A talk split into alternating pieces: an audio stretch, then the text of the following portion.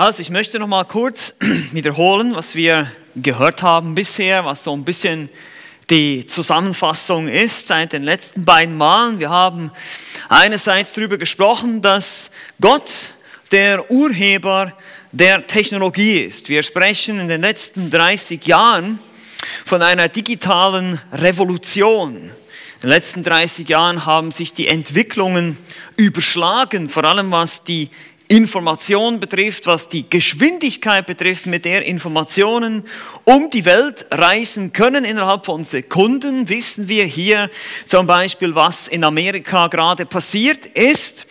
Und das geht so schnell, auch über die sozialen Netzwerke, dass wir manchmal kaum Luft schnappen können. Und wir dürfen nicht vergessen, dass diese Technologien nicht an und für sich das Problem sind.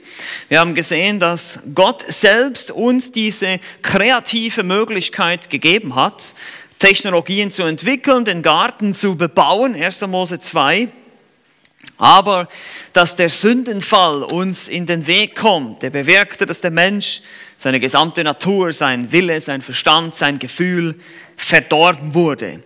Und so auch der Umgang mit unseren Technologien, insbesondere auch die Technologien selbst, die zu bestimmten Zwecken ähm, entwickelt wurden. Wir haben zwei Dinge gesehen, wie die Moralität einer Technologie bestimmt werden kann. Muss sich die Frage stellen, wozu wurde ein technisches Gerät entwickelt?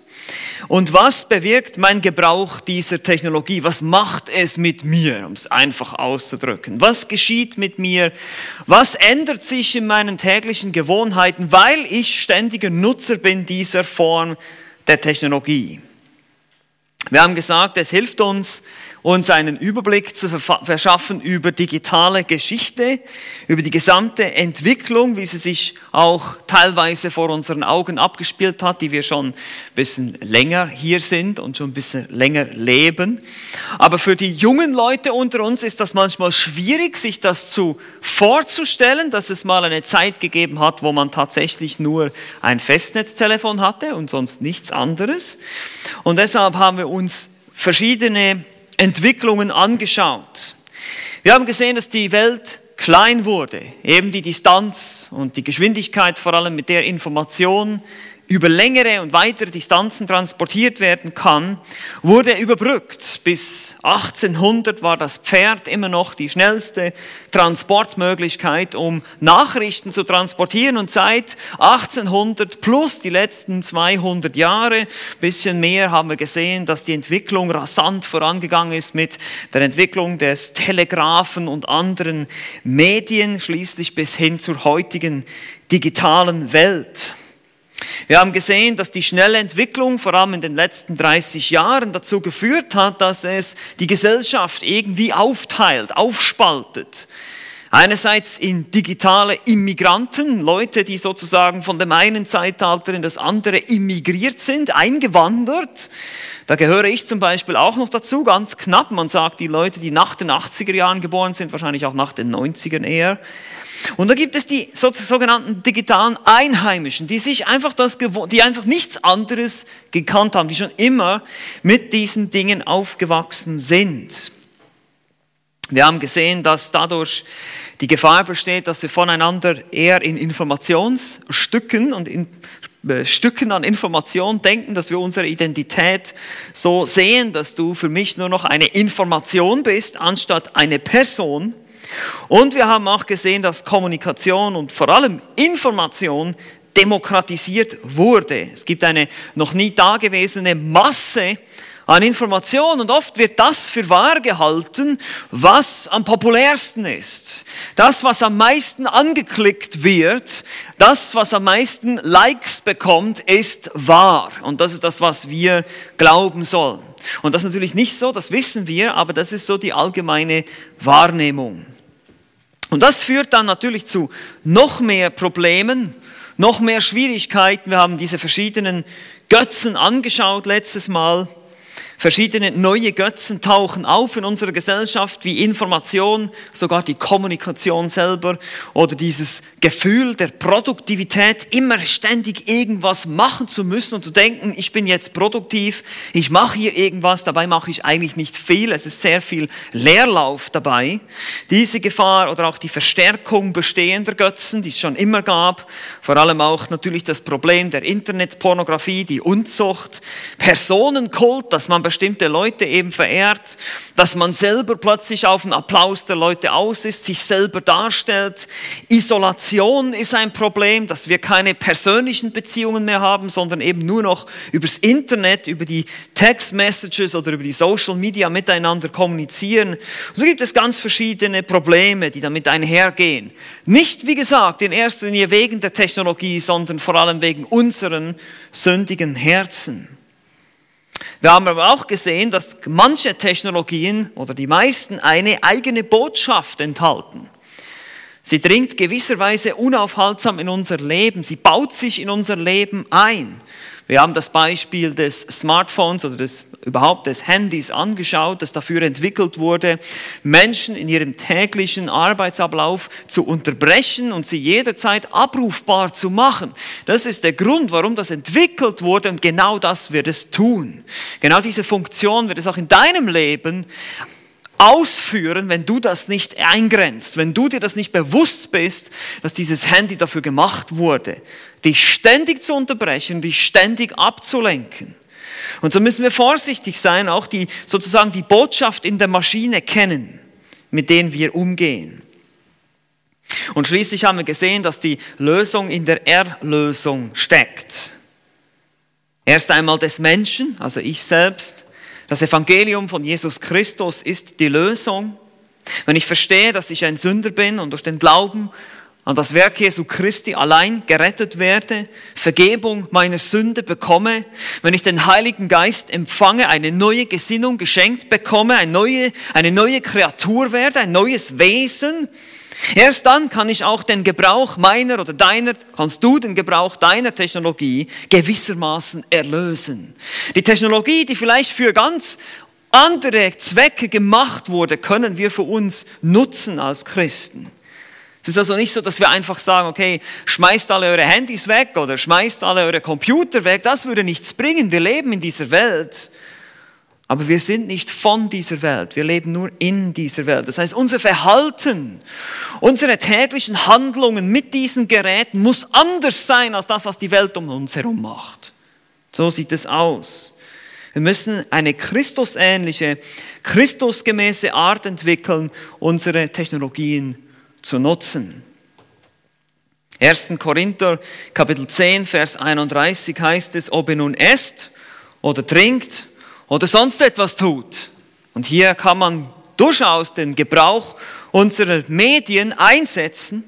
Ob ihr nun, wie ihr Medien nutzt, tut alles zur Ehre Gottes. Und das ist nun die Theologie. Wir haben letztes Mal auch die, die Theorie angeschaut, die Funktionsweise unserer Technologie. Und jetzt kommen wir zur Theologie. Was, wie können wir das miteinander verbinden, dass wir eine gesunde Praxis finden? Und ich habe euch auch gesagt, dass wir in der Schrift sehr, sehr viele Hinweise finden, was das Thema Kommunikation betrifft. Letztendlich sprechen wir hier in erster Linie natürlich von unseren Kommunikationsmedien. Und deshalb gelten die biblischen Prinzipien der Kommunikation. Wir haben gesagt, dass unser WhatsApp oder auch andere solche Medien nichts anderes sind als ein verlängerter Arm meines Mundes, meiner Zunge. Es ist nichts anderes. Und dass die Quelle dieser Worte genau daher kommen, aus meinem Herz. Jesus hat gesagt, wes das Herz voll ist, dessen geht der Mund über. Heute könnte man sagen, wes das Herz voll ist, dessen textet der Daumen. Ist genau dasselbe. Das ist nichts anderes. Und deshalb können wir diese Prinzipien genauso auf uns heute anwenden. Und Ihr werdet vielleicht etwas auch überführt sein und erstaunt sein, wie das aussehen wird, wie ein solcher gottgemäßer und gottesfürchtiger Gebrauch dieser Medien aussehen kann. Und das wollen wir heute eigentlich im Prinzip jetzt noch anschauen. Also bekommen jetzt wirklich zur Anwendung. Was sollen wir denn tun? Und die erste Frage, die wir uns stellen, ist, wie kommuniziert Gott? Wenn ihr etwas und wenn wir etwas zu Gottes Ehre tun wollen, dann heißt das mit anderen Worten, Gott zu ehren heißt Gott nachzuahmen. Ja, Im 1. Korinther 11 sagt Paulus ganz deutlich, dass die Christen in Korinth ihn nachahmen sollen. Seid meine Nachahmer, wie ich Christi Nachahmer bin. 1. Korinther 11, Vers 1. Also die, die Form der Anbetung und die Form der des, der Ehr, des Ehrebringens an unseren Herrn geschieht dadurch, dass wir seine Eigenschaften in unserem Leben widerspiegeln.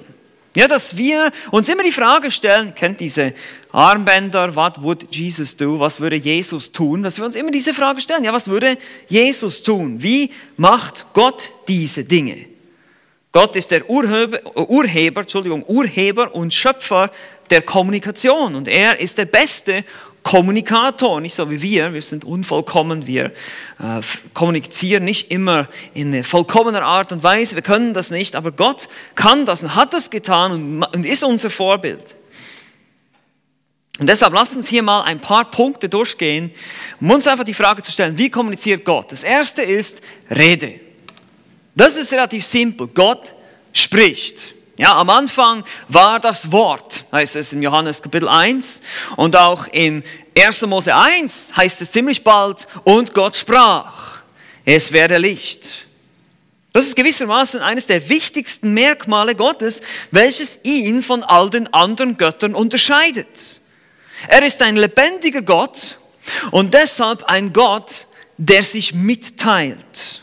Psalm 115, Verse 4 bis 5 heißt es, ihre Götzen sind Silber und Gold, von Menschenhänden gemacht. Sie haben einen Mund und reden nicht. Und sie haben Augen und sehen nicht. Gott ist ein lebendiger Gott und deshalb spricht er. Die höchste Ausdrucksform von Gottes Reden finden wir in Jesus Christus selbst. Gott wurde Mensch und sprach mit uns. Das ist die höchste Ausdrucksform. Deshalb wird Jesus als das Wort bezeichnet. Er ist sozusagen das lebendige Wort, das auf diese Welt kam und diese Botschaft von Gott zu uns brachte. Gott hat uns in seinem Ebenbild geschaffen, das haben wir ebenfalls schon angeschaut, mit dem Zweck, in einer Beziehung zu ihm zu leben. Und deshalb auch, um zu kommunizieren. Keine Beziehung ohne Kommunikation. Das geht's nicht. Das gibt es nicht. Wir müssen miteinander kommunizieren, um, um miteinander in Beziehung zu treten.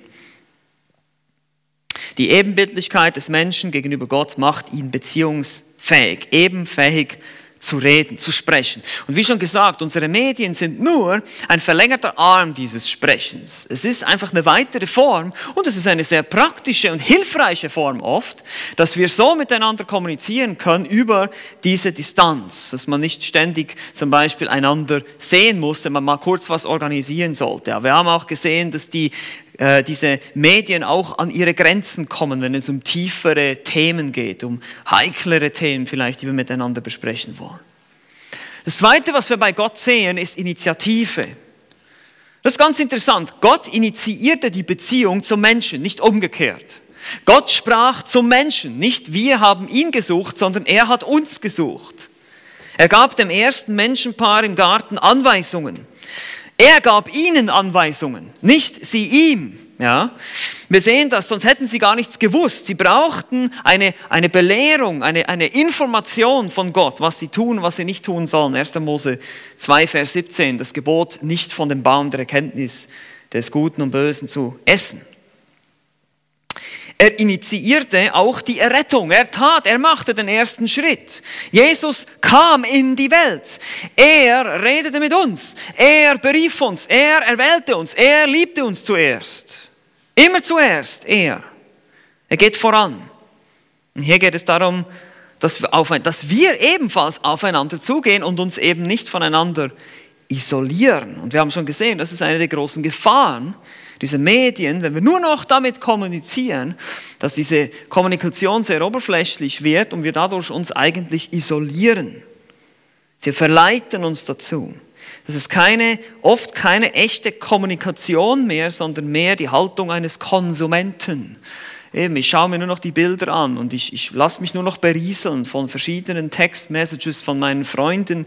Meine Beziehungen laufen nur noch über die Social Media, aber nicht mehr von Mensch zu Mensch und von Herz zu Herz. Das ist nicht die Beziehung, die Gott mit uns hat. Er sendet seinen Heiligen Geist in unser Herz und er spricht zu uns durch sein Wort und wir sprechen zu ihm durch Gebet. Also ist ganz wichtig, Initiative. Nächster Punkt, Anpassung. Anpassung. Gute Kommunikation ist darum besorgt, dass die Botschaft nicht nur verstanden wird, sondern auch so ankommt, wie sie beabsichtigt war. Sie wird gewissermaßen angepasst. Und in gewisser Form hat Gott sich uns angepasst. Wie meine ich das? Nun, er spricht in einer Sprache zu uns, die wir verstehen können. Er hat sich uns in menschlicher Sprache offenbart, nicht in irgendeiner himmlischen Sprache, die uns gar nicht verständlich wäre. Er passt sich an, er ist darum besorgt, dass die, die Botschaft auch ankommt. Und so hat er nicht in einer übernatürlichen Sprache zu uns gesprochen, sondern er benutzte sogar Menschen, die durch seinen Heiligen Geist getrieben wurden, das Wort niederzuschreiben. 2. Petrus 1, Vers 21. Der Heilige Geist trieb diese Menschen Gottes, das so niederzuschreiben, wie Gott es haben wollte. Und deshalb kritisiert Paulus zum Beispiel die Korinther dafür, dass sie eben in der Versammlung nicht in einer verständlichen Sprache, die haben in Sprachen gesprochen, die übernatürliche Gabe der Sprachenrede in 1. Korinther 14, 9. Und er kritisiert sie und er sagt, das ist nicht gut, weil das Ziel dieser Sprache ist nicht, dass der andere dabei sitzt und überhaupt nicht versteht, was geredet wird, sondern dass er erbaut wird. Eben Anpassung, so dass der andere versteht, was ich sage und dadurch erbaut und ermutigt wird. Und unsere Medien tendieren dazu, eigentlich so ein bisschen die Funktion auszuüben, dass sie unsere Sprache ausdünnen.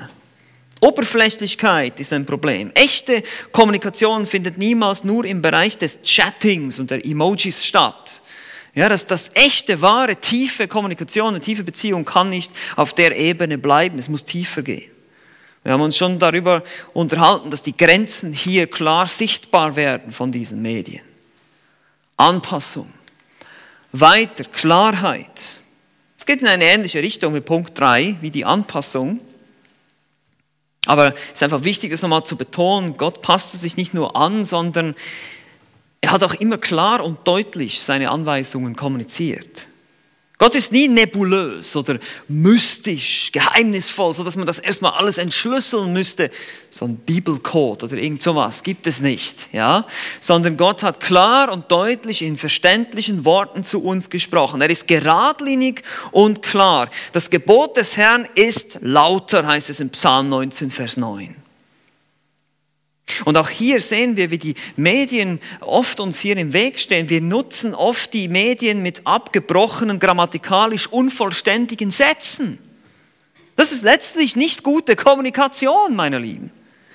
Es wird unklar, es wird undeutlich. Wir schicken einander nur noch so einzelne Bruchstücke von Kommunika Kommunikation und Information. Das sind keine klaren Worte, keine ganzen Sätze mehr.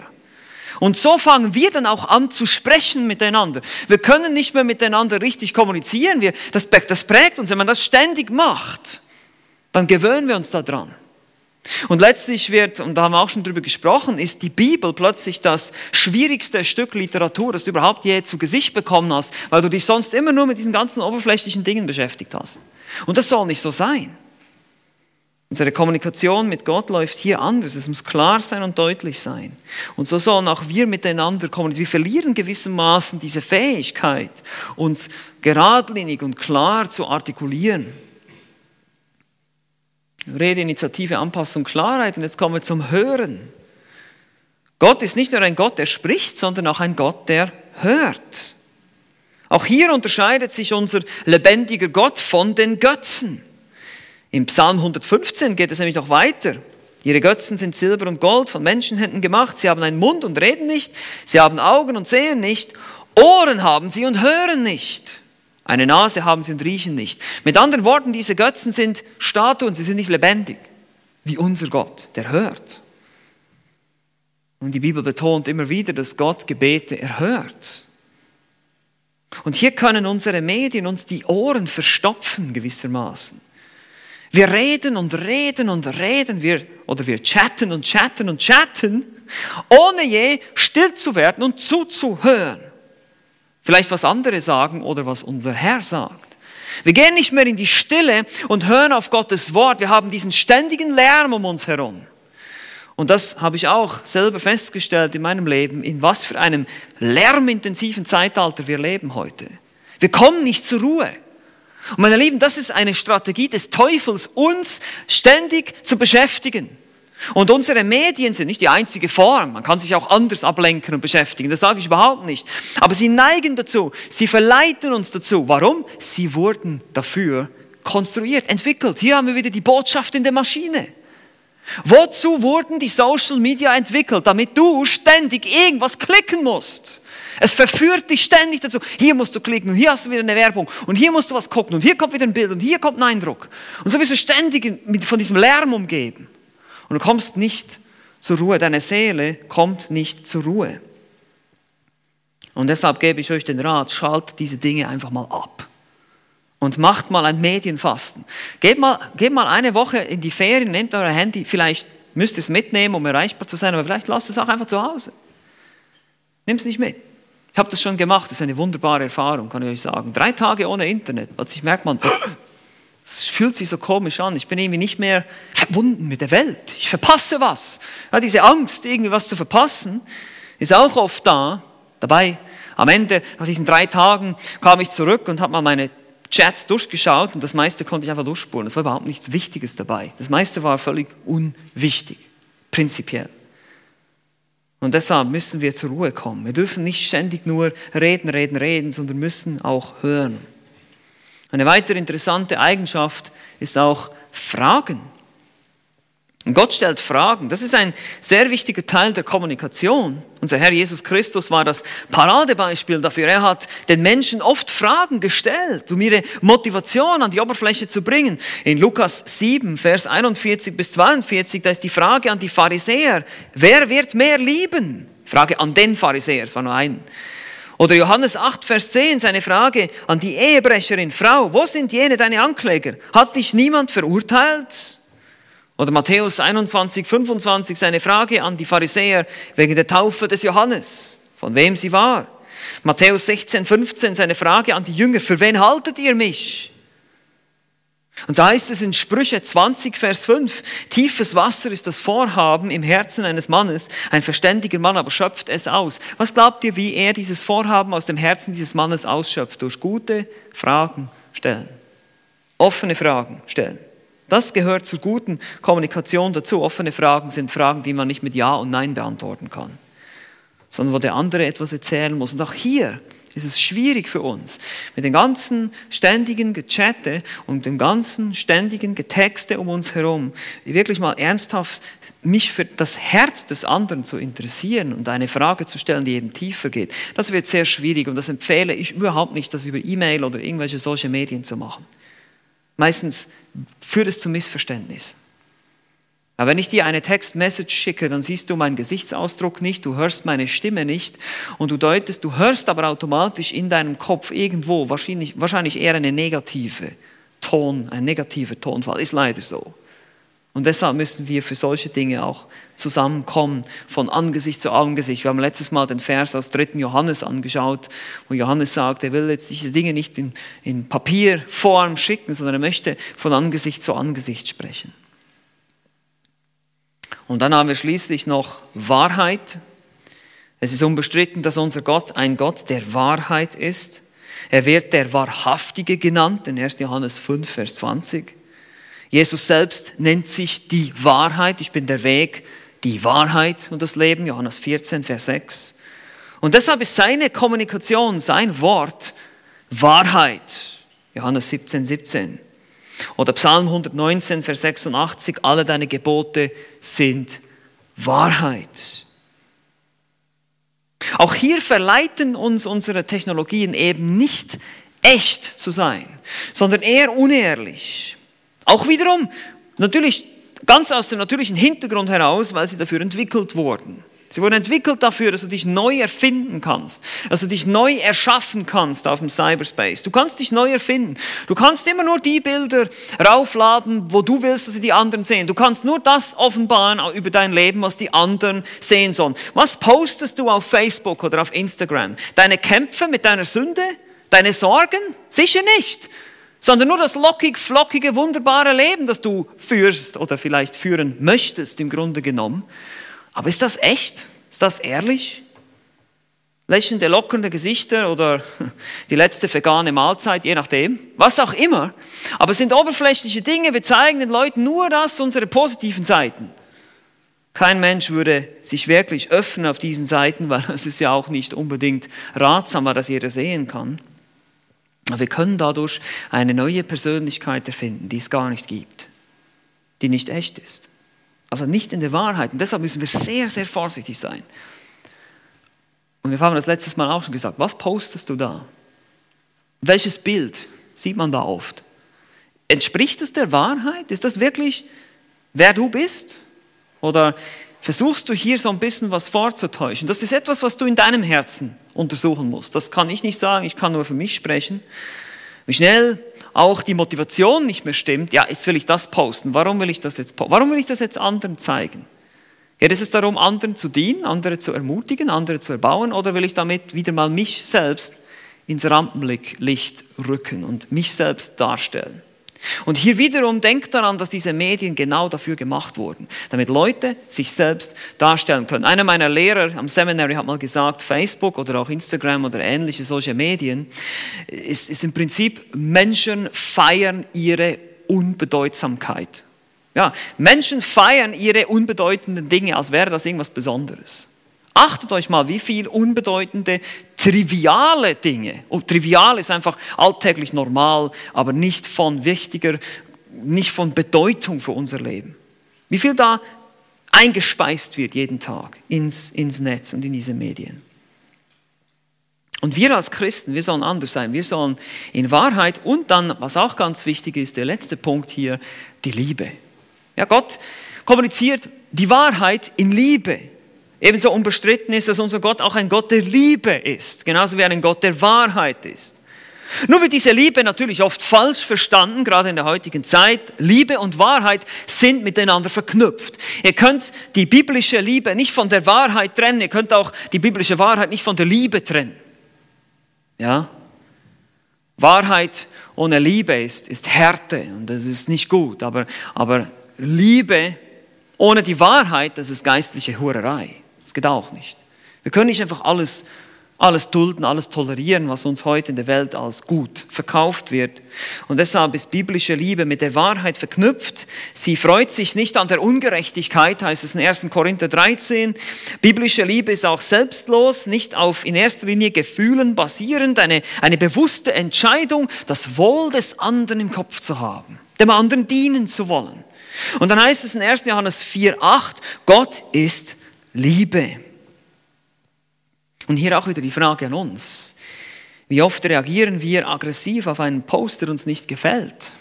Ja, in, in, in, den, in den Medien. Oder eben liebevoll. Und lasst uns hier auch prüfen, wie wir uns verhalten, wie wir unsere Worte wählen.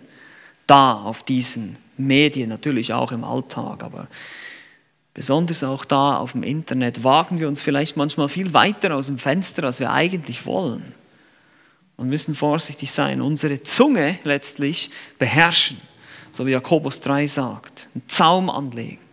Und immer zuerst, das Motto lautet immer zuerst denken, dann posten. Okay?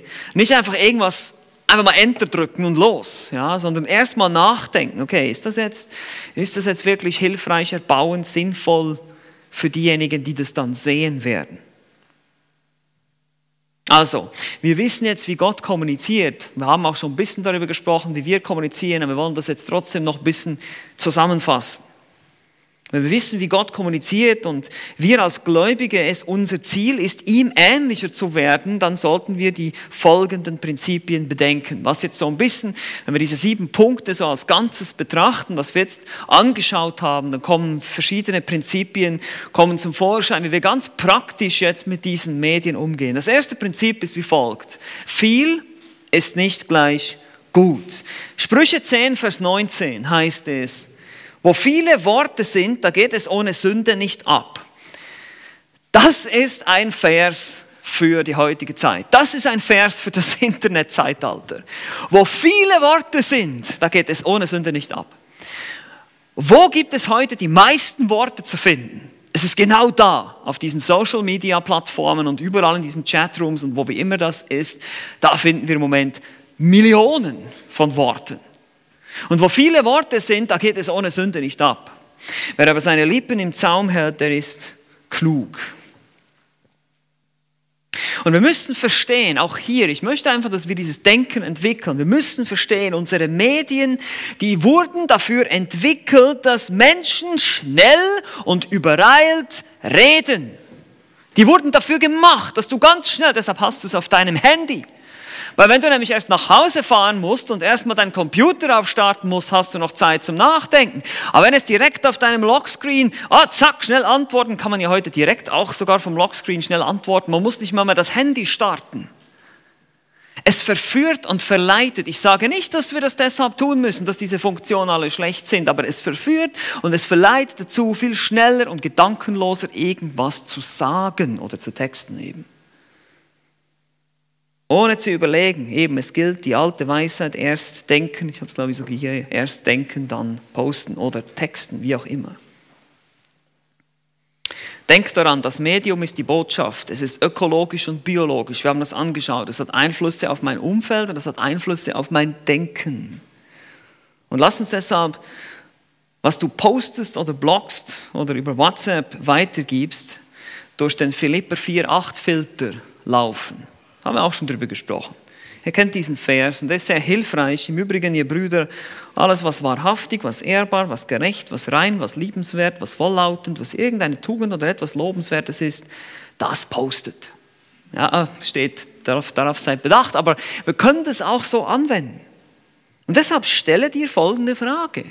Bevor du das nächste Bild aufs Internet schmeißt oder den nächsten, den nächsten Kommentar zu irgendeinem Post oder den Like sogar, was, wen gebe ich hier Applaus? Wen, was like ich jetzt hier?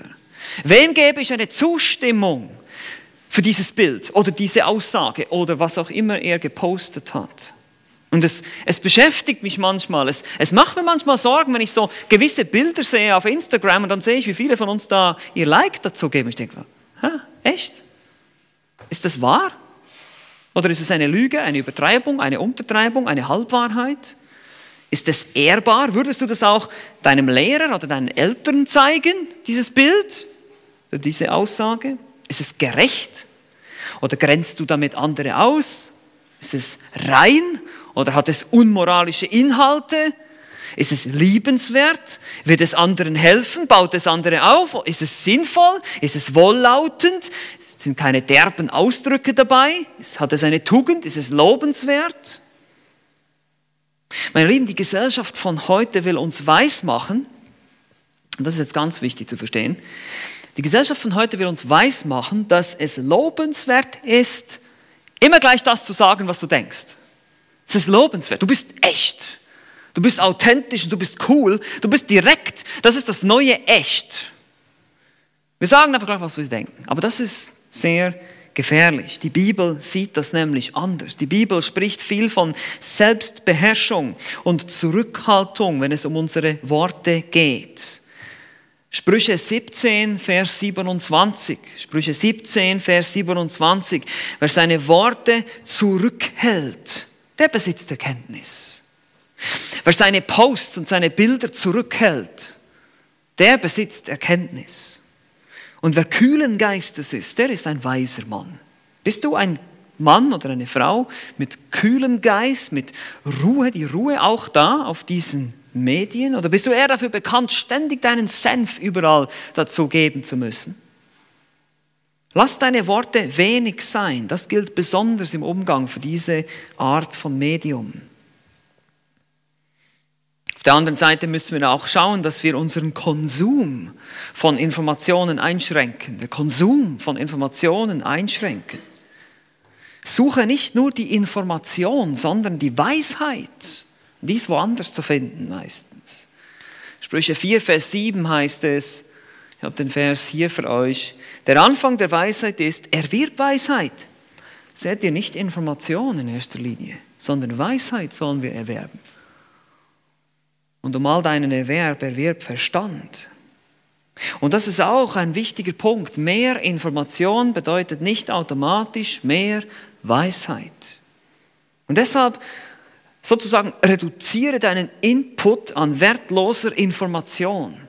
Wir müssen anfangen zu filtern. Wir können nicht einfach alles aufsaugen, was wir die ganze Zeit, was uns die ganze Zeit hier entgegenflimmert. Können wir nicht, oder können wir schon, aber sollten wir nicht. Beschränke dich auf die wesentlichen Dinge. Wähle Qualität über Quantität in dem, was du liest, anschaust oder hörst. Weil vergiss nicht, wie gesagt, diese, diese Bilder und all das, was du liest, hat einen Einfluss auf dein Denken. Es verändert dein Denken. Es hat einen Einfluss. Glaub mir das. Es ist einfach so. Schlechter Umgang verdirbt gute Sitten, heißt es in 1. Korinther 15, 33. Womit du dich umgibst, womit du dich ständig berieseln lässt, womit du ständig oder worüber du ständig nachdenkst, was du beständig anschaust, das wird dich beeinflussen. Ob du das jetzt wahrhaben willst oder nicht. Und deshalb ist die Frage, schauen wir uns tief und intensiv jeden Tag Christus an in seinem Wort? Oder beschäftigen wir uns vielmehr mit allen anderen Dingen, die es uns gibt, die uns die Welt im Moment anbietet. Und das ist ein Riesenangebot heute. Ich weiß das. Vereinfache den Gebrauch deiner Technologie. Vereinfache den Gebrauch deiner Technologie so weit, dass du sie nur dann nutzt, wenn sie wirklich nützlich ist. Sie ist ja da, um nützlich zu sein. Aber oft benutzen wir unsere technologischen Mittel und man könnte es genauso gut mit anderen mit einem anderen Gerät machen. Das klassische Beispiel für uns jetzt, für mich persönlich, war der Handywecker.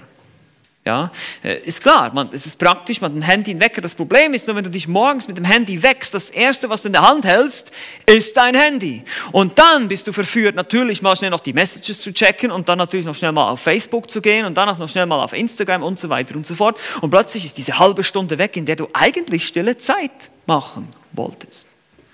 So schnell kann das gehen persönliche Erfahrung. Gebe das zu. Bei mir kann das genauso geschehen. Und deshalb habe ich gesagt, weg mit dem Handy, ich kann mir einen normalen Wecker kaufen. Das ist kein Problem. Benutze die Technologie so, dass sie sinnvoll und nützlich ist und nicht, vor allem nicht, schädlich wird für dich. Dass eben die Technologie plötzlich eindringt in deine stille Zeit, in dein Gebet am Morgen. Also dich immer mehr mit Messages beschäftigst und mit Likes anstatt mit der Bibel. Oder eben, man kann auch ein normales Buch lesen, man muss nicht immer ein E-Book lesen oder vor allem nicht auf dem Handy. Meine Lieben, äh, ich habe schon Studien gesehen, dass sie sagen, dieses ständige Gucken auf diesen kleinen Screen macht unsere Augen kaputt. Also sogar für die Gesundheit ist es nicht unbedingt sinnvoll. Kauf dir ein normales Buch. Ja, Klar, ich habe auch viele E-Books und ich lese auch E-Books, aber ich lese die meistens auf dem iPad. Ich finde das oder auf dem Kindle Paperwhite, weil das macht viel mehr Sinn. Das sieht auch vielleicht viel mehr aus wie eine Papierseite, ist angenehmer für die Augen zum Lesen. Aber auch da gibt es Studien, die festgestellt haben, digitale Seiten zu lesen, ist, ist, ist man, man liest automatisch viel oberflächlicher, als wenn man von der Papierseite liest. Und man muss sich viel mehr konzentrieren, wenn man digitale Medien liest, wenn man automatisch trainiert wurde schon bereits, das viel oberflächlicher zu lesen. Deshalb, wenn ihr eure Bibeln lest, ich weiß, einige machen das zum Beispiel über ihre Handys, die haben Bibelleseplan, eine App und die drücken dann drauf und dann kommt die entsprechende Seite der Bibel. Das ist wunderbar und praktisch und das kann man auch machen. Es gibt auch Studien, die bezeugen, dass der, der Gebrauch von Handys dazu führt, dass einige Christen tatsächlich mehr Bibel lesen, weil sie ihre Bibeln auf dem Handy lesen. Das ist nicht immer alles negativ, aber trotzdem ist dann natürlich das, was du dann zurückbehältst im Kopf, worüber du nachgedacht hast. Stell dir dann die Frage, nachdem du gelesen hast, stell dir die Frage, okay, was habe ich jetzt eigentlich gelesen? Kann ich das jetzt zusammenfassen? In eigenen Worten, was ich jetzt gerade gelesen habe. Habe ich das jetzt wirklich verstanden? Dass man es konzentrierter liest auf diesen Seiten. Dann ist natürlich sind Dinge wie auswendig lernen des Wortes und so weiter, die uns, wir können nicht mehr auswendig lernen. Ich meine, äh, früher war es so, dass man seine, die Telefonnummern auswendig, wer kennt noch solche Telefone, wer hat das noch erlebt von uns? Ja, siehst du, ich auch. Wir haben, wir haben solches Telefon gehabt zu Hause mit Drehscheibe, vielleicht nicht ganz so ein altes Modell, aber, aber eins mit Drehscheibe auf jeden Fall. Man musste die Nummern entweder auswendig kennen oder man musste halt das Telefonbuch, die eigenen Notizen aufschlagen. Und wer von uns heute weiß überhaupt seine eigene Handynummer auswendig? Ah, sind doch ein paar. Gut, sehr gut. sind doch ein paar. Sehr schön. Aber es gibt einen Rückgang zu verzeichnen im Auswendiglernen, vor allem auch im Auswendiglernen der Schrift. Ich bewahre dein Wort in meinem Herzen, damit ich nicht gegen dich sündige, heißt es in Psalm 119, Vers 11. Es ist eine wichtige Disziplin, dass wir die Schrift auswendig lernen, dass wir Bibelverse auswendig lernen. Und auch hier kann man Technologie sinnvoll nutzen. Manche von uns benutzen diese App, Remember Me. Ich weiß nicht, wer hat diese App auf seinem, ja, wir haben auch einige, ich auch. Äh, und ich nutze die auch ab und zu, um meine Verse durchzugehen, aber manchmal ist es dann doch sinnvoll, wieder zu den alten Kärtchen zurückzugehen. Also einfach die Technologie etwas einschränken, nicht alles nur noch über das Handy machen, weil man dann eben völlig abhängig wird davon auch. Und das ist sehr wichtig zu verstehen. Man kann das positiv nutzen. Aber das ist das Erste, was wir jetzt gesehen haben. Viel ist nicht gleich gut. Lasst uns, lasst uns einfach immer überall denken und, und überlegen, okay, muss ich das jetzt, ist das jetzt nützlich? Ist das hilfreich? Wird das die anderen erbauen? Oder muss ich das, kann ich das wirklich nur über das Handy machen? Oder kann ich diese Technologie auch mal ein bisschen weglegen und andere Mittel benutzen, um zum selben Ziel zu kommen? Einfach das ein bisschen einschränken, damit wir nicht ständig und in einer Tour dieses Ding in der Hand haben. Weil das ist, wie gesagt, bewahrt uns davor, auch irgendeinmal mehr oder weniger süchtig zu werden danach. Und ich weiß, ich, ähm, Bea hat diesen, diese, dieses Interview gepostet auf der, auf der WhatsApp-Gruppe von diesem, von diesem Unternehmer der, und diese deutsche Zusammenfassung auch, also Gigi hat mir das ursprünglich mal zugeschickt und ich finde, das solltet ihr alle mal lesen, die, die Englisch verstehen, auf jeden Fall dieses Video mal gucken. Aber was der Mann sagt, und das ist kein Christ, er ist kein Christ, aber was er sagt, ist wirklich sehr, sehr interessant, seine Beobachtungen. Was eben unter anderem auch die Technologie, es gibt ja noch ein paar andere Themen, die er anspricht, aber vor allem was den Abschnitt, wo er über die Technologie spricht, finde ich sehr, sehr einsichtsvoll, was er da sagt. Das nur so als Zwischending, deshalb haben wir das gepostet hier. Gehen wir jetzt mal weiter zum Punkt B. Was wichtig ist, Worte offenbaren dein Herz. Wie schon gesagt, diese Medien sind eine verlängerte Zunge, ein verlängerter Arm. Und deshalb haben wir schon gesehen, wovon das Herz voll ist, davon redet der Mund, davon textet der Daumen. Oberflächliche Worte offenbaren ein oberflächliches Herz. Wir müssen unsere Herzen prüfen. Womit beschäftige ich mich die ganze Zeit? Was will ich erreichen mit meiner Kommunikation? Was ist mein Ziel? Ist es wirklich Gott zu ehren und ihm zu gefallen oder mir selbst? Wir haben schon gesehen, 1. Korinther 10, 31, ob er nun esst oder trinkt oder sonst etwas tut, das tut alles zur Ehre Gottes. Auch das Posten oder das Texten können wir oder sollen wir zu Gottes Ehre tun. Nun, wie tun wir das? Indem wir in seiner Art und Weise das machen, so wie, sein, wie es seinen Eigenschaften entspricht. Deshalb haben wir uns diese, diese Punkte angeschaut, wie Gott kommuniziert. Das Leben und letztlich das Kommunizieren zu Gottes Ehre findet dann statt, wenn unsere Handlungen ein Reflektieren von Gottes Herrlichkeit ist, wenn es das reflektiert, diese Eigenschaften. Ein weiterer Punkt, der sehr wichtig ist, ist Wahrheit durch Konsens oder durch Offenbarung. Wie ich gesagt habe oder auch schon euch deutlich machte, ist, wir müssen vorsichtig sein, was wir aus dem Internet runterladen und als Wahrheit sehen. Wikipedia ist keine verlässliche Quelle der Wahrheit. Durch die Massenmedien und Suchmaschinen wie Google wird alles, was als wahr gesehen, was die Masse der Menschen als wahr sieht, was die meisten als relevant sehen, als populär. Hier wird uns unsere biblische Wahrheitsverständnis sozusagen auf, auf den Kopf gestellt. Wahrheit kommt von Gott, nicht von der Meinung der meisten, nicht von Google. Ich kann mich noch erinnern, in Amerika, als ich am Seminar war, gab es unter den Leuten, die beim, äh, also ich, wir kannten jemanden, die bei Grace Church im Accounting, also die Buchhaltung, in der Buchhaltung arbeitete, und die hat immer gesagt, lasst uns mal Lord Google fragen. Der hat das natürlich so im sarkastischen Sinne gemeint, aber das ist genau das. Lord Google, der Herr Google. Ja, das ist, das ist das, die Stimme, worauf wir hören heute. Wenn du irgendwas wissen willst, was machst du als erstes? Oh, lass uns mal googeln. Was? Echt? Ist das wirklich? Und die Information, die dann als, als erstes kommt, die meisten, sind wir mal ehrlich, wir klicken, wer, wer klickt wirklich dann diese 10.000 Resultate durch und dann und prüft die einzelnen Quellen, woher die wirklich kommen, wer da wirklich schreibt, ob das Leute sind, die wirklich verstehen, wovon sie sprechen. Oder klicken wir einfach gleich mal auf Wikipedia, was meistens als erstes kommt, und lesen das kurz, ah ja, okay, das ist es. Und glauben das einfach. Wir sind sehr leichtgläubig.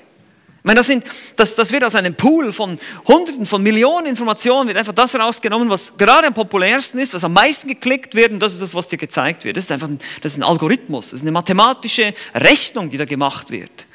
Aber das ist noch lange nicht allgemeiner Konsens. Nur weil die meisten denken, das ist so, heißt es nicht, dass es jetzt wirklich wahr ist. Und natürlich, es gibt Dinge, äh, die wir jetzt nicht in der Bibel finden, aber gerade wenn es um theologische Dinge geht, erlebe ich das immer und immer wieder, dass Leute ankommen und sagen, ich habe das und das im Internet gelesen, ich habe das und das im Internet gehört. Und ich denke mir, ja, echt? Wirklich? Ich meine, du findest alles im Internet, alles. Findest jede noch so verrückte Ansicht in der Theologie, findest du garantiert irgendeinen, der das vertritt. Und deshalb müssen wir vorsichtig sein. Weil die Wahrheit durch Konsens, wie ich das nenne, ist erstens unbeständig, sie wird ständig revidiert. Updates. Ja, diese, diese Artikel, die können sich von heute auf morgen ändern. Alles, was ihr auf Webseiten lest, kann von heute auf morgen ändern. Da kann jemand sagen, ah, das ist jetzt doch nicht mehr so und dann schreibt er irgendwas komplett anderes plötzlich. Das kann man ja jederzeit editieren, das ist nicht festgemacht. Es basiert auf vielen Quellen, von welchen man nicht weiß, ob sie wirklich fachlich und gut recherchiert sind.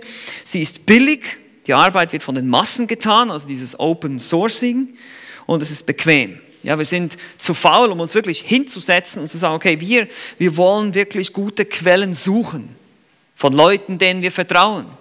Nehmen wir jetzt mal in den theologischen Bereich eine Kommentatoren, die wir kennen, Leute, wo wir nicht einfach nur einen Namen haben. Deshalb dürft ihr zum Beispiel, ich weiß nicht, ob das hier auch so ist, an manchen Hochschulen, an vielen darf man Wikipedia gar nicht benutzen als Quelle. Es ist nicht zugelassen. Ja, das, ist einfach, das ist einfach keine wirklich akkurate Information, die man da hat. Wahrheit basiert nicht auf Relevanz, was die Menschen hören wollen, sondern auf dem, was die Bibel sagt. Das muss uns Christen sehr, sehr deutlich sein und muss uns klar vor Augen sein bei allem, was wir uns im Internet anschauen oder eben auch hier vielleicht den Konsum lieber etwas zu reduzieren und lieber etwas gute Bücher und die Bibel selbst zu lesen, als ständig von irgendwelchen Internetsourcen zu leben. Blogs, die ja nicht schlecht sind, es gibt gute Blogs, aber wenn man ständig davon lebt, nur von diesen Bitzen hier und, und Stücken da, dann ist es ebenfalls gefährlich. Wir müssen extrem vorsichtig sein. Unser Denken als Christen soll durch Gottes Wort geformt werden und nicht durch die Meinungen im Internet.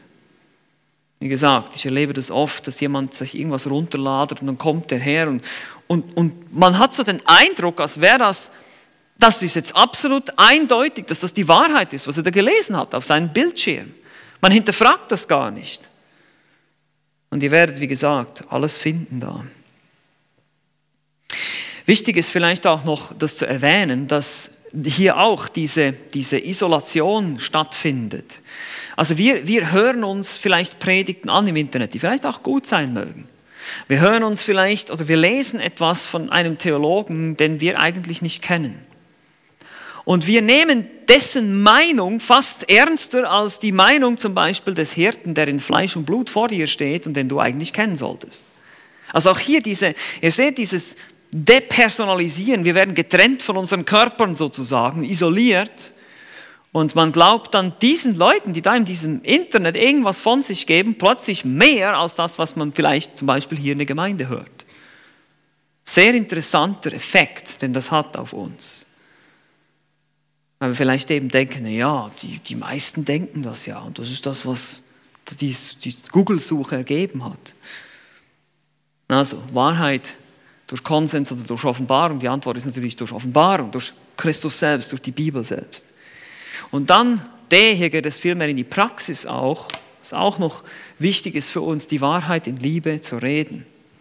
Epheser 4, 15 und 25 ist ein Schlüsseltext für unseren Umgang, natürlich in der Kommunikation miteinander, aber auch der Umgang mit Kommunikationsmedien. In Epheser 4, 15 heißt es, wahrhaftig in der Liebe heranwachsen in allen Stücken zu ihm hin, der das Haupt ist, der Christus. Und hier in Vers 25 heißt es zunächst, darum legt die Lüge ab und redet die Wahrheit jeder mit seinem Nächsten. Ihr seht oben das Element der Liebe und unten das Element der Wahrheit. Und daraus ergeben sich wieder weitere äh, Prinzipien. Wir sollen reden. Wichtig ist zu verstehen, dass die Bibel uns nicht verbietet zu reden. Sie sagt zwar, wo viele Worte sind, da geht es so eine Sünde nicht ab. Aber diese ganzen Warnungen, die die Bibel uns gibt, sollen uns nicht zum Schweigen bringen. Das heißt nicht einfach, die Bibel sagt nicht, du sollst jetzt einfach aufhören zu reden, wir sollen reden, wir sollen kommunizieren als Christen, haben wir sogar Gründe dafür, die besten Gründe, die es überhaupt gibt, unseren Mund aufzumachen. Die Frage ist nur, auf welche Art und Weise und was dann daraus kommt. Und deshalb sollen wir als Christen auch auf den modernen Medien präsent sein. Wir sollen uns auf keinen Fall einfach zurückziehen und sagen, wir gehen jetzt einfach überall raus. Aber wir müssen überlegen, ob wir diejenigen sind, die andere beeinflussen oder ob andere diejenigen sind, die uns beeinflussen. Die Frage muss ich mir stellen. Ob das Medium mich beeinflusst oder ich das Medium. Ob ich mit dem Medium andere erreichen kann oder ob das Medium mich erreicht, die Botschaften anderer durch das Medium mich erreichen und beeinflussen.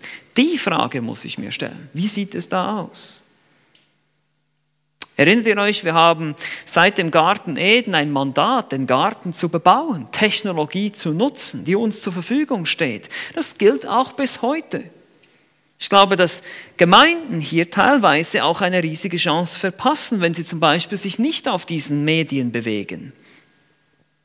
Ein großer Anteil der Menschen heute, eben wie gesagt, die technologischen oder digitalen Einheimischen, Viele 35 Jahre darunter bewegen sich hauptsächlich in dieser Sphäre. Wenn wir Menschen erreichen wollen mit dem Evangelium, kann das sehr nützlich sein.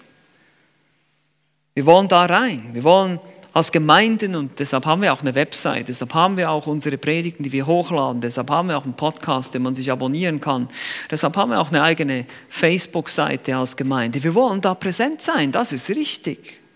Wir wollen das nicht verpassen. Und wir haben das auch schon gesehen, wie viele Menschen hier in dieser Gemeinde gefunden haben durch das Internet, hauptsächlich. Es ist interessant. Man, man hört die Geschichten, die Zeugnisse der Geschwister. Sie haben hierher gefunden, weil sie sich eine Predigt im Internet angehört haben. Sie haben sich diese Predigten angehört und haben das geprüft und sind dann hierher gekommen.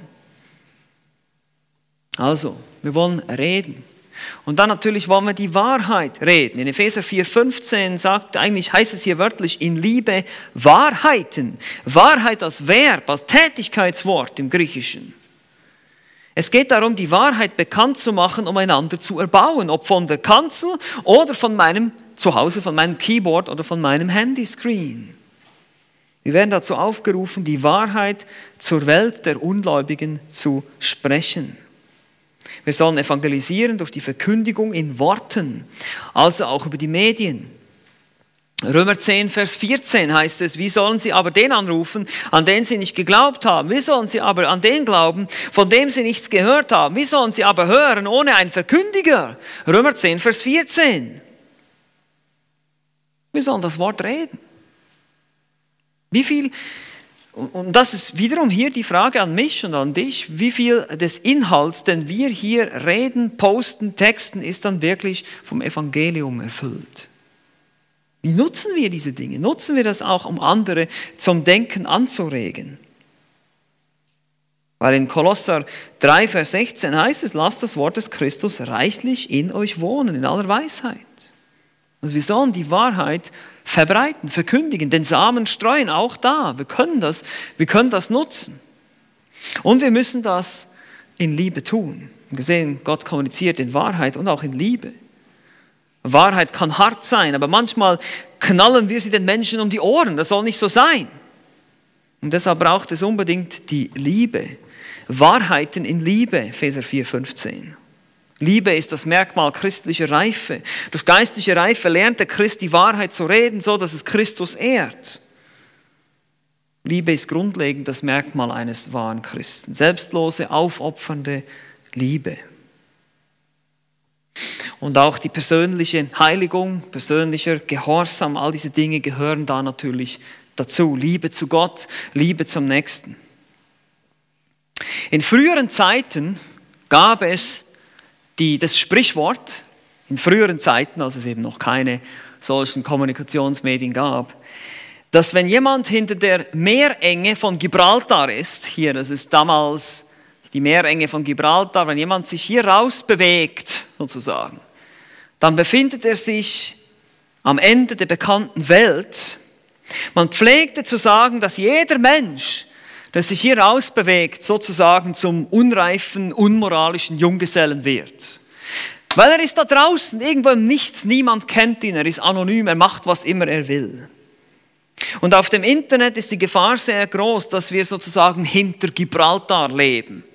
Ja, wir sitzen alleine irgendwo in unserem Raum mit unserem Handyscreen und wir können da gucken und schauen und machen, was immer wir wollen. Wir sind anonym, es sieht uns keiner, so denken wir zumindest, ist ja nicht wahr.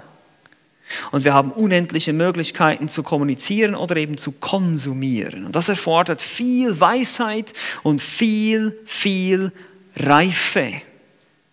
Meine Lieben, was du bist alleine in deinem Zimmer, das ist das, was du wirklich bist. Nicht das, was du anderen immer zeigst vielleicht. Und deshalb müssen wir lernen, damit verantwortlich umzugehen. Es erfordert geistliche Reife, um sich sozusagen auch noch hinter Gibraltar christlich zu verhalten. Und deshalb glaube ich und bin ich sehr stark davon überzeugt, dass es unverantwortlich ist, einem Kind ein solches Gerät einfach in die Hand zu drücken und sagen, hier, mach einfach mal. Wir müssen sehr, sehr vorsichtig sein und diesen Gebrauch auch in unseren Familien einschränken. Unsere Kinder brauchen das nicht. Die Frage ist ja immer, wozu wirst du das benutzen? Was willst du damit machen? Warum brauchst du das? Kann man das auch anders lösen? Muss es jetzt gerade ein Smartphone sein? Jetzt. Jetzt schon. Weil unsere Kinder handeln unreif kommen nicht auf die Welt als Heilige, sondern als Sünder. Und deshalb finde ich das bedenklich und sehr tragisch, mit welcher Freiheit sogar Christen damit umgehen. Die größte Gefahr ist für die jungen Leute, weil ihre eigene Unreife sie daran hindert, richtig damit umzugehen. Wenn selbst wir Erwachsenen, wir, die vielleicht schon lange im Glauben sind, damit straucheln und kämpfen, wie sehr werden unsere Kinder unvorbereitet hier einfach hineingeschoben in diese Gefahr. Eben deshalb, die Frage ist, kann ich mich hinter Gibraltar auch reif verhalten? Wie bin ich, wenn ich alleine bin? Wer bin ich, wenn ich alleine bin? Die Frage muss ich mir stellen, wenn ich wissen will, ob ich bereit bin, auch mit diesen Medien reif und geistlich umzugehen. Und deshalb hier einfach für uns ein paar Warnungen oder ein paar Gedanken zum Abschluss, wie wir uns schützen können, wie wir vielleicht einander helfen können. Das erste ist, gib Rechenschaft. Lebe dein Online-Leben nicht ohne Rechenschaft von Geschwistern in der Gemeinde. Lass Freunde oder Familie wissen, was du online machst. Ja, leb das nicht alleine. Weil du bist, wie gesagt, hinter Gibraltar. Du stehst in der Gefahr, durch deine eigenen Lüste gelockt zu werden. Jakobus 1. Jeder von uns wird gezogen und gelockt von seinen eigenen Sünden und Lüsten. Und gerade für junge Leute legen das die Sprüche sehr nahe, dass es jungen Menschen an Weisheit mangelt und dass sie dazu neigen, unweise und schnelle Entscheidungen zu treffen. Eben gerade das, wofür diese Medien gemacht sind, unweise und schnell und unüberlegt, irgendwas zu klicken, zu gucken, zu machen, zu tun. Und deshalb hier, erwerb Weisheit und erwerb Verständnis, vergiss sie nicht, weiche nicht ab von dem Reden meines Mundes, heißt es in Sprüche 4, 5. Sind wir uns bewusst, dass wir im Internet eine digitale Spur hinterlassen? Du denkst vielleicht, wenn du irgendwas vom Internet runternimmst und löschst, dass das weg ist. Da bist du aber sehr naiv, wenn du das glaubst. Jede Website, die du besuchst, alles, was du dir anguckst, wird irgendwo gespeichert. Es wird gespeichert. Und die Leute, diese Firmen, die haben diese Daten von uns. Welche digitale Spur hinterlässt du im Internet? Bist du durch deine digitale Spur im Internet ein Zeugnis für Christus oder nicht? Das ist die Frage. Man kann das sehen, was du dir angeguckt hast den ganzen Tag. Ja, du magst deinen eigenen Verlauf in deinem Browser löschen, aber das ist immer noch da gespeichert auf diesen Servern. Das kann man nachvollziehen. Du magst dein Bild von Snapchat löschen, aber das, denkst du wirklich, dass das weg ist? Ich glaube das nicht. Und deshalb gib Rechenschaft. Versuch nicht, dein Leben alleine zu leben da. Zweitens, sei echt. Das haben wir schon angeschaut. Erfinde dich nicht neu im Internet. Erfinde keine Persönlichkeit, die nichts mit deinem realen Ich zu tun hat. Das ist Lüge und Täuschung. Und das ist manchmal sehr subtil. Wir merken das manchmal gar nicht, wie wir uns vielleicht auf eine Art darstellen. Vielleicht sogar, das, eines der schlimmsten Beispiele, das habe ich gesehen, das es gibt es öfters in, in, in Social Media, dass Leute zum Beispiel äh, ihre Andacht posten. Ich habe jetzt gerade stille Zeit gemacht und, puff, und der Lohn ist dahin. Du sollst deine Frömmigkeit nicht vor den Menschen leben, sondern vor dem Herrn. Ja, vielleicht hast du mal was Interessantes gelesen und du postest irgendein Zitat und sagst, das habe ich heute gelesen, das fand ich sehr ermutigend, das möchte ich euch weitergeben. Das ist was anderes. Aber so die Bibel hinlegen und den Stift und die Kerze und den Kaffee und so, ich habe jetzt hier stille Zeit gemacht, das ist das, das, ist das Leben eines Pharisäers. Das ist Pharisäertum in der modernen Zeit. Hütet euch davor. Deshalb sei echt. Sei echt. Gott interessiert sich viel mehr für dein Inneres, für dein Herz. 1 Samuel 16, Vers 7 hat äh, Gott damals zu Samuel gesagt, schaue nicht auf sein Aussehen noch auf seinen hohen Wuchs, als Samuel sich Eliab aussuchte, weil er dachte, das wäre Gesalbte, aber das war letztlich David. Und Gott sagt ihm, schaue nicht auf sein Aussehen noch auf seinen hohen Wuchs, denn ich habe ihn verworfen. Denn der Herr sieht nicht auf das, worauf der Mensch sieht, denn der Mensch sieht auf das, was vor Augen ist. Der Herr aber sieht das Herz an. Der Mensch sieht das, was vor Augen ist. Ist das nicht interessant, diese Bilder die ganze Zeit? Wir gucken uns nur das an, was vor Augen ist. Wir werden so oberflächlich und vergessen das Herz. Aber der Herr sieht dein Herz. Wie sieht es in meinem, in deinem Herzen aus? Wer bist du, wie gesagt, wenn du alleine bist, ohne deine Medien? In Sprüche 4,23 heißt es, mehr als alles andere behüte dein Herz, denn von ihm geht das Leben aus. Deshalb sei echt, versuch nicht jemand zu sein, den du nicht bist und erfinde nicht deine Persönlichkeit neu auf dem Internet. Und letztlich natürlich ganz wichtig, sei reif. Und das ist für manche von uns schwierig, wenn wir noch unreif sind, uns wie eine geistlich reife Person zu verhalten. Vielleicht muss man zuerst eine werden, eine geistlich reife Person. Das ist genauso, wie wenn du heiraten willst oder andere Dinge, du musst eine gewisse Reife haben. Und genauso müssten wir uns eigentlich Gedanken machen, bin ich schon reif genug für diese Medien, um damit eben so umzugehen, wie es Gott ehrt? Oder bin ich noch nicht reif genug dafür? Bin ich liebevoll? Bin ich geduldig? Bin ich sanftmütig? Mische mich nicht in andere Diskussionen ein, die mich vielleicht nichts angehen. Wie reagiere ich? Bin ich streitsüchtig? Reagiere ich auf jeden äh, negativen Post, der mir nicht gefällt? Denke an die Frucht des Geistes in Galater 5,22. Liebe, Friede, Freude, Lammut, Freundlichkeit, Güte, Treue, Sanftmut, Selbstbeherrschung. Oder eben Philipper 4,8 haben wir schon angeschaut. Denke daran, dass du dich zwar im Cyberspace befindest, was eigentlich kein Raum ist in dem Sinne, sondern nur Daten, die ausgetauscht werden. Es ist nicht ein wirklicher Ort. Und man denkt ja oft, ja, das ist alles nur künstlich hier. Aber denke immer daran, dass die Menschen, die am anderen Ende sind, die auch einen Screen in der Hand haben oder vor ihrem Bildschirm sitzen, dass das ebenfalls Menschen sind mit ewigen Seelen. Denkst du daran, wenn du mit jemandem textest, dass du hier mit einer Seele kommunizierst, die ewig leben wird, die entweder in die ewige Hölle oder in den ewigen Himmel gehen wird eines Tages? Sind wir uns das bewusst? Oder sind wir da eben auch schon so entpersonalisiert, muss ich mal so irgendwie sagen, dass wir einfach gar nicht mehr daran denken, dass es eine Person ist, sondern nur noch eine Ansammlung von Informationen? Diese Menschen an ihren Computern oder Smartphones sind echte Seelen, echte Menschen. Und es gilt, sie immer noch zu erreichen. Und unser Verhalten in der Welt ist immer das beste Zeugnis für Christus oder eben auch nicht. Und deshalb ist es auch, was gilt dasselbe auch in diesen Medien drin, wenn wir uns da drin bewegen auf diesen Chatrooms, in diesen verschiedenen Social Media Plattformen, dann müssen wir uns Gedanken machen darüber, bewege ich mich da, wandle ich da wirklich als Christ, verhalte ich mich da als Christ? Die Bilder, die ich von mir da hochlade und so weiter, die Aussagen, die ich mache, entsprechen die dem Geist der Liebe, entsprechen sie dem Geist des Christus? der Demut, der Liebe, der Wahrheit oder eben nicht. Und so haben wir die Möglichkeit, so haben wir die Chance, diese Technologien entweder zu unserem oder zu unserem Heil zu nutzen und zum Heil anderer Menschen oder leider auch zum Verderben, wie mit allem, was der Herr geschaffen hat.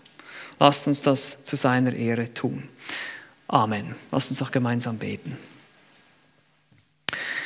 Lieber Herr Jesus Christus, wir danken dir für deine Gnade. Danke, dass du uns dein Evangelium gegeben hast, dass wir es verstehen und auch begreifen können, dass du ein Gott bist, der in Wahrheit und in Liebe spricht, klar und deutlich in menschlicher Sprache. Und wir sind froh darüber, dass du mit uns kommuniziert hast und so hilf uns, wenn wir als Christen unterwegs sind, uns ebenfalls innerhalb dieser Medien als Christen zu outen und wirklich zu offenbaren und uns auch dementsprechend zu verhalten. Bewahre uns davor, leichtsinnig zu sein, unreif, ungeistlich.